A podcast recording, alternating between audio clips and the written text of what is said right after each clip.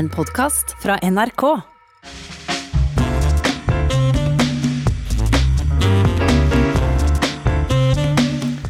I sommer var det 50 år siden Ole Paus debuterte som plateartist. Det var i juni 1970 at den første plata hans, 'Der ute, der inne', kom i handelen.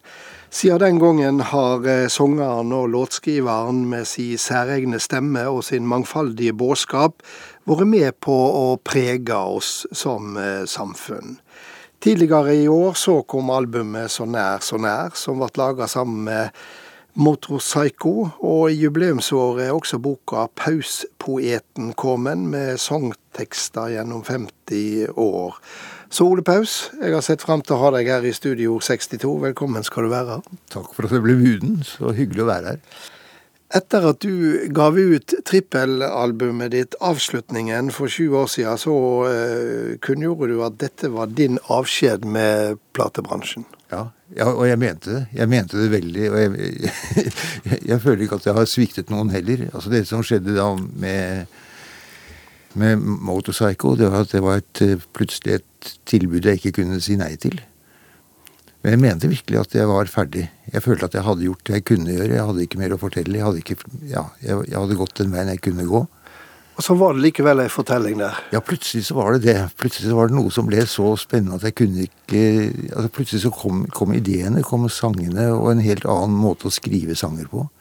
Og det er veldig mye takket være Motorpsycho at det er eh, en utrolig gruppe med noen fantastiske folk som ja, som vekker da slumrende veier. og plutselig så er det morsomt å finne på igjen. 50 år det er jo en invitasjon eh, med å se tilbake, men det er ikke du noe særlig glad for? Nei, 50 år, det er, ja, det er, bare, det er bare å holde ut det, så, så er 50 år alle, alle, alle, kan oppleve det. Det er, det er, ikke noe å snakke om. Men det som er tilfellet, er at eh, når man har vært med i 50 år et sted, så er det kanskje en mulighet for at man begynner å gå på autopilot. Og det var, det var det, som jeg var redd for, som gjorde at jeg ville slutte med å lage sanger. Altså, jeg, jeg, jeg har ikke lyst til å, å, lage dårlige kopier av meg selv. Det er ikke alltid like staselig å se, se tilbake i sitt eget liv, har du sagt? Det er, og det er kanskje det, kanskje det, klokeste jeg har sagt noen gang. Men det er ikke det. altså. Det er, den der fortiden, den, den, den, kan man kanskje la være i fred, kan man ikke det? Det har vært der. Ikke helt, fordi jeg har jo lyst til å spørre deg, hva var det i, i din bakgrunn eller i, i, i, dine kjensler som gjorde at du på 60-tallet ble dratt inn i eh, visemiljøet og begynte å jobbe med vise? Ja, det kan Det vet jeg ikke noe svar på. Altså, jeg vet jo bare at jeg var Jeg kommer fra et helt annet miljø. og ja, for faren din var offiser? Ja, han var general. Da jeg, og da jeg begynte, så var han general. Og, og på den tiden det var jo ikke noe, det ikke noe yrke, dette her. Det var ikke noe fremtid. Altså, jeg, jeg var jo plassert De mente at jeg skulle bli student og ja, bli et eller annet ordentlig. Og da var ikke vi Altså, vi hadde Alf Prøysen og Vidar Sandbekk. Det var de to som var visesangere i Norge, og de tilhørte NRK, egentlig. Så um, Onkelen min, som var en veldig ordentlig og veldig fin mann, han, eh, han var direktør i Amerikalinjen, og han sa at den eneste grunnen til at jeg overlevde, det var at det var kommet et nytt og kjøpekraftig publikum fra kloakkene. så, så, så det, var, det, var, det, var, ingen store det var ingen store vyer omkring meg, altså. så, men, men, men um, dette var det eneste jeg ville. Og det var å skrive sanger og, og spille gitar. Var det et opprør? Nei, det var, det var, mer en måte å gå i hi på. Altså, Jeg gikk i hi for alle. Det, er jo ikke sant, for jeg, jeg, var jo hele tiden ute. Men, men inni meg så var jeg hele tiden på, alene og skrev sanger. Du, du, var jo bare fire år når mor di døde. Ja. Og du hadde en eh, offisersfar som ikke var spesielt nærværende de første åra av eh, ditt eh, liv. Og slikt forma jo et eh, barn ble leitinga inn i viseværa, den, den, den rotløse søken etter ny jord å plante seg om i? Ja, ja, ja jo, på, på, en måte så var det jo det. Men jeg vokste opp hos tanten og bestemoren min, som var østerrikere. Og de, da de kom til Norge, så hadde de jo med seg alt de hadde fra Østerrike av betydning for dem. da, Og det var da først og fremst litteratur og poesi. Så jeg vokste opp med Heine og Goethe og Schiller. Og, og, så jeg lærte jo hele tiden, sånn indirekte, fordi at de hele tiden leste, det, og jeg likte å høre på det. Så jeg, jeg lærte jo hele tiden språket og, og poesien. Og ja, jeg elsket den måten man kunne få ord til å virke mot hverandre på. Jeg elsket ordene. Jeg gikk, jeg gikk jo veldig store deler av barndommen min gikk rundt og sa 'Vår Herre Jesu Kristi nåde', for det var det fineste jeg visste å høre. det klang så fint, ja, det klang så utrolig fint. Ja, det gjør det. 'Vår Herre Jesu Kristi nåde'. Det er, det er jo en makeløs linje, da. Mm. Men sånne ting gikk jeg rundt og, og, og hadde med meg. Og så begynte jeg å skrive om min egen virkelighet, da. Og det, ja, det begynte med salmer da jeg var fem-seks år. Ja, jeg gjorde det. Altså, Jeg ble litt taus nå, fordi at akkurat det hadde jeg ikke sett eh, komme. At det var eh, salmesangen som førte deg inn i eh, ja, den helt annerledes og ganske infame samfunnsrefseren Ole Paus på 70-tallet. Nei, vet du, vet du, hvorfor jeg ble stille? da? For at jeg plutselig jeg tenkte jeg skulle, jeg hadde en sånn linje fra, Den eneste linjen jeg husker fra barndommen min av salmesangen, det var eh, eh, jeg husket ikke. Og jeg husker ikke, jeg, kom på det om et øyeblikk, men, men, i stedet for så husket jeg en, en salme av Per Lønning som, som jeg syns var så utrolig komisk. 'Et frydens fremskritt spruter frem'. Altså, det, det, så, men det, det, var Per Lønning, det var ikke meg. Men det var liksom samme kategori, da, kan du si. Da kan det vel sies om den eh, siste salmen av Per Lønning at den har ikke slått helt igjennom i norske menigheter. Det ble aldri noe ordentlig greie på det. Hadde du noe forbilder? Du nevnte eh, Alf Prøysen og Vidar Sandberg, men, men, eh, det var vel ikke der du henta størst inspirasjon? Nei, altså På den tiden, der det var den perioden med Dolphins viseklubb, da den kom, så, så eh, vi stjal jo som ravner. Alvik, altså Finn Kalvik, Lillebjørn, Øystein Sunde Alle. Vi, vi, vi, men, det, men, det, er en veldig sunn måte å drive kultur på. Man skal stjele. Og så etter hvert så kan man ta, forlate tyvegodset og lage det til sitt eget. Du var jo kjent som den store satirikeren på, på mange måter. Pausposten og, og, en rekke andre ting. Det var ganske tøff satire du drev med. Jeg vet ikke. Jeg, jeg oppfattet det aldri slik selv. Altså, jeg, jeg følte at jeg skrev skillingsviser. Det var sånn jeg begynte med Pausposten. At plutselig, var jeg, jeg, så En morgen så, så jeg eh, VG, dagens VG, og det var um, den spionen, den stakkars spiondamen, fru Galtung Håvik, hvor det sto på hele første siden i VG så sto det 'Gjorde hun det av kjærlighet'? Og da tenkte jeg at her er Gud hjelpe meg en skillingsvise. Hva var det å skrive den. Og, og var, da, da, knekket jeg en, en nøtt, egentlig. og Plutselig kunne jeg bare skrive om alt mulig. Jeg skrev hele den første Pausposten-platen ble jo til i løpet av en ettermiddag. Har du skrevet tekster du angrer på? Nei, ikke egentlig. Jeg tror ikke det. Jeg burde sikkert, men, men jeg, jeg glemmer så fort. Vi skal holde fram med den samtalen, men vi må selvsagt også lytte til eh, sangeren Ole Paus, eh, og, og ikke bare snakke med deg. En del sanger som nå nesten er blitt folkeeie, så har jo du nærma deg noe sakralt. Eh, og flere er jo blitt bergtekne av måten du synger innarbeida klassiske salmer på. La oss høre på dette. Å, bli hos meg. Nå er det aftentid.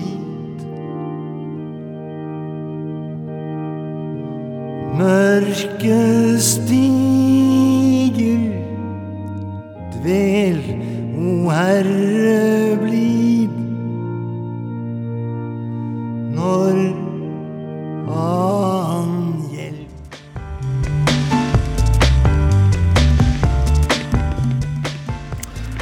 Ja, det var Å bli hos meg med deg, eh, Ole Paus. Og eh, dette kom vel på ei plate du laga med Mari Boine og Kari Bremnes for nesten 30 år siden. 'Salmer på veien hjem'. Og hva for reaksjoner fikk du på denne tolkninga? Den var todelt. Det var og det var litt forutsigbart, kanskje, at det kom eh, folk som ikke syntes det var noe særlig at jeg gjorde dette, og den måten jeg sang det på, at det var blasfemi. Men, eh, men det roet seg ned. Og det er jeg glad for. For det var overhodet ikke blasfemisk ment fra min side. Tvert imot. Altså Når jeg hører på den versjonen, så, så hører jeg nesten at du synger det nedafra på en måte, sant? Men, mens en ofte har hørt den sunget overfra, hvis du skjønner hva jeg mener. Ja, jeg skjønner veldig godt hva du mener, og det er helt riktig. Altså for, for, og det er Erik Hillestad som da var, var, mannen bak dette her. Altså, det var han som uh, mente at jeg kunne synge den sangen slik som den synges, og sånn som salmer synges for det meste, så er de på en måte som paradenumre for, for tenorer og voka... Ja, og, for ikke å snakke om sopraner. Og da, da blir borte, ordene blir borte, for det er bare sånne lyd, alt sammen bare lydkulisser.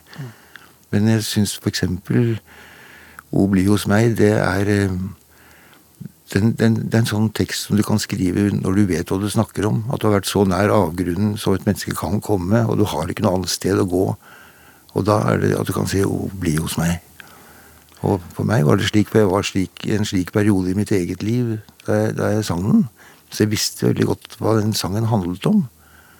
Og, og så gjorde jeg det så godt jeg kunne. Du snakka litt tidligere om at du gikk og nynna på salmer, og, og, og, på en måte så eh, poesien i, i, i salmetekstene. Nå, nå husker jeg det, det diktet mitt fra det der 'Og barnet skyr frem sitt ørelille smil'. Det var det. Så var det noe. ja. ja. Det var jo et, det var jo et morsomt avbrudd akkurat når jeg skulle spørre deg om du tror på Gud. Ja, jeg, jeg gjør det, altså. Og jeg håper i det lengste at han tror på meg. Altså, jeg, jeg vet ikke, Vi får ta opp dette når den tiden kommer. Men, men jeg, jeg, jo, jeg, tror på Gud. Jeg har lest en plass at du sa at det, det er en slags norsk fordom at, at uh, kristne skal være så lydige og skikkelige, for, for Jesusskikkelsen var jo ulydig. Ja, bare se hvem han omgikkes. Altså, han, han laget jo en, Den kretsen som var rundt ham, det var, det var jo ikke det var ikke dem som det øvre borgerskap egentlig satte mest pris på. Og jeg, jeg liker så inderlig godt ja, måten Jesus møtte menneskene på. At han, han visste hvem vi var. Han, han, han tok oss til seg, og han syntes dette var var fint du kom. Han hadde ingen illusjoner om oss? Ikke en eneste. Han hadde ingen illusjoner i det hele tatt. Han hadde bare han hadde et stykke arbeid å gjøre. Og han hadde en frelse å foreta. Og det er så flott også i, i diktet til Oscar Wilde om, fra det fengselet hvor, han sier at er, altså vi er fortapte, vi er blant dem som Guds sønn må ta seg av. At Gud er, han er, han er streng, han er nådeløs. Hvis du leser Gamle testamentet, så ser du at det er et blodbad, sammenhengende blodbad. Men det er, det er altså Jesus, det er Sønnen, som da kommer inn og gjør at det er noe vits i det hele. Hvis ikke det hadde vært for Jesus, så hadde kristendommen vært en studie i, i, ja, i stygge mentale lidelser. Det begynner å ligne en uh, første juledagsandakt, dette, Ole Paus. ja, ja, jeg trodde aldri du ville spørre. Ja, nei, jeg, nei, jeg, mener ikke å være sånn forkynnende, men det, det, er så dumt. Men jeg, jeg, er opptatt av disse tingene, og det, det opptar meg. En annen ting som du har vært opptatt av i eh, alle de 50 åra du har holdt på med, det har vært å sett, observere og tolke tidsånda. Eh, hvordan opplever du den tida vi lever i? Oi, det var et godt spørsmål som kanskje du er bedre enn meg til å svare på. Men altså, den tidsånden vi har nå, den er jo, den er jo preget av at vi er redde. Alle sammen er redde. Altså, hvor, hvor er det man kan se uten å bare møte løgn? Det er jo så, vi, vi, har, vi har ødelagt vår egen tilværelse. Jeg vet ikke hvorfor eller hvordan. Jo, jeg vet bare sånne klisjéårsaker. At plutselig har de aller rikeste fått det akkurat som de vil. Og det er et veldig stygt bilde de tegner. Jeg synes det, er veldig, det er veldig sørgelig å se hvordan, hvordan den ytre rikdommen hele tiden, hele tiden går seirende ut. I mange av sangene dine så har du jo lykkes med å sette ord på kjensler vi bærer på. Og tenker på f.eks. på Vårt lille land. Ble du overraska over den plassen den teksten fikk etter 22.07? Ja, absolutt. Altså, den, den, sangen den skrev jeg jo mange år før. Og jeg skrev noe som fra Nei til ja-kampanje for medlemskap i EU. At den plutselig skulle få en sånn betydning, det, det, det hadde ikke jeg drømt om. Det hadde, og jeg, jeg kunne svært gjerne unnvært det, må jeg si, for min egen del. Men det, men det, er veldig rart når det kommer på den måten og den, var, Jeg kom jo bakveien inn i folkesjela, da. Jeg er veldig glad for å være til trøst. Hvis jeg kunne være til trøst for noen i en vond tid, så er det klart at man skal bare være takknemlig for det. Det er tid å hauste inn, skrev Olav Å Hauge. Det begynner å bli et liv, dette her. Syng du. Driver du på vei inn i melankolien? Nei, det gjør jeg ikke. Men eh, Nei, tvert imot. Eh, jeg syns livet aldri har vært eh, rikere enn nå. For min egen del. Sånn hvor jeg tenker på den friheten jeg har til å tenke og skrive og gjøre hva jeg vil. Det hører jo med når du blir eldre. Jeg er jo en, en gammel mann. Og det hører jo med da at man begynner å, å, se seg rundt og se hva har jeg egentlig lagt bak meg, og hvem er det egentlig kan vende meg mot nå. Da er det i grunnen bare å ønske deg god tur videre, da, Ole Paus. Og tusen takk for eh, samtalen, og god romjul når den tida kommer. Og så runder jeg av med min faste kommentar. Her er denne vekas Stang inn, stang ut. Jula er undringas tid. Også ei jul som for mange av oss har blitt helt annerledes enn den vi er vane med. Det er så mye av slikt nå.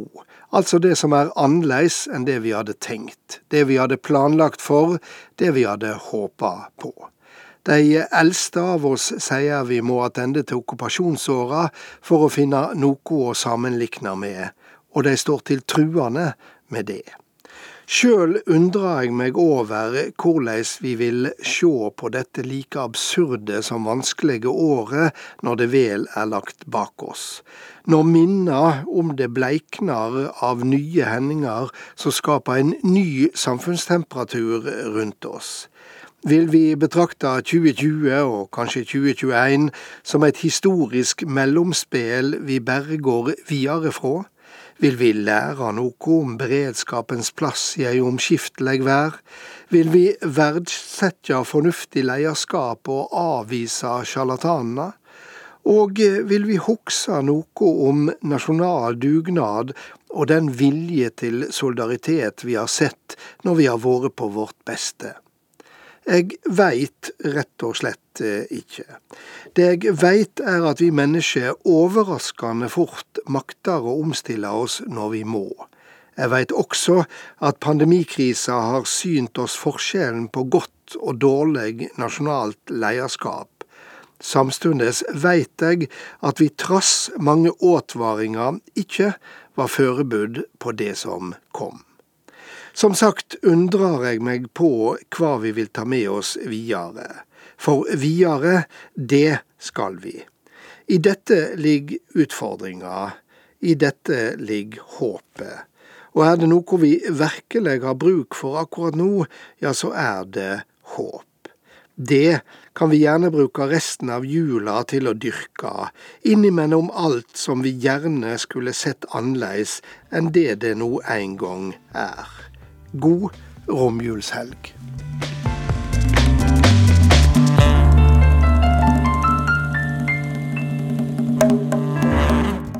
Du har hørt en podkast fra NRK. Hør flere podkaster og din NRK-kanal i appen NRK Radio.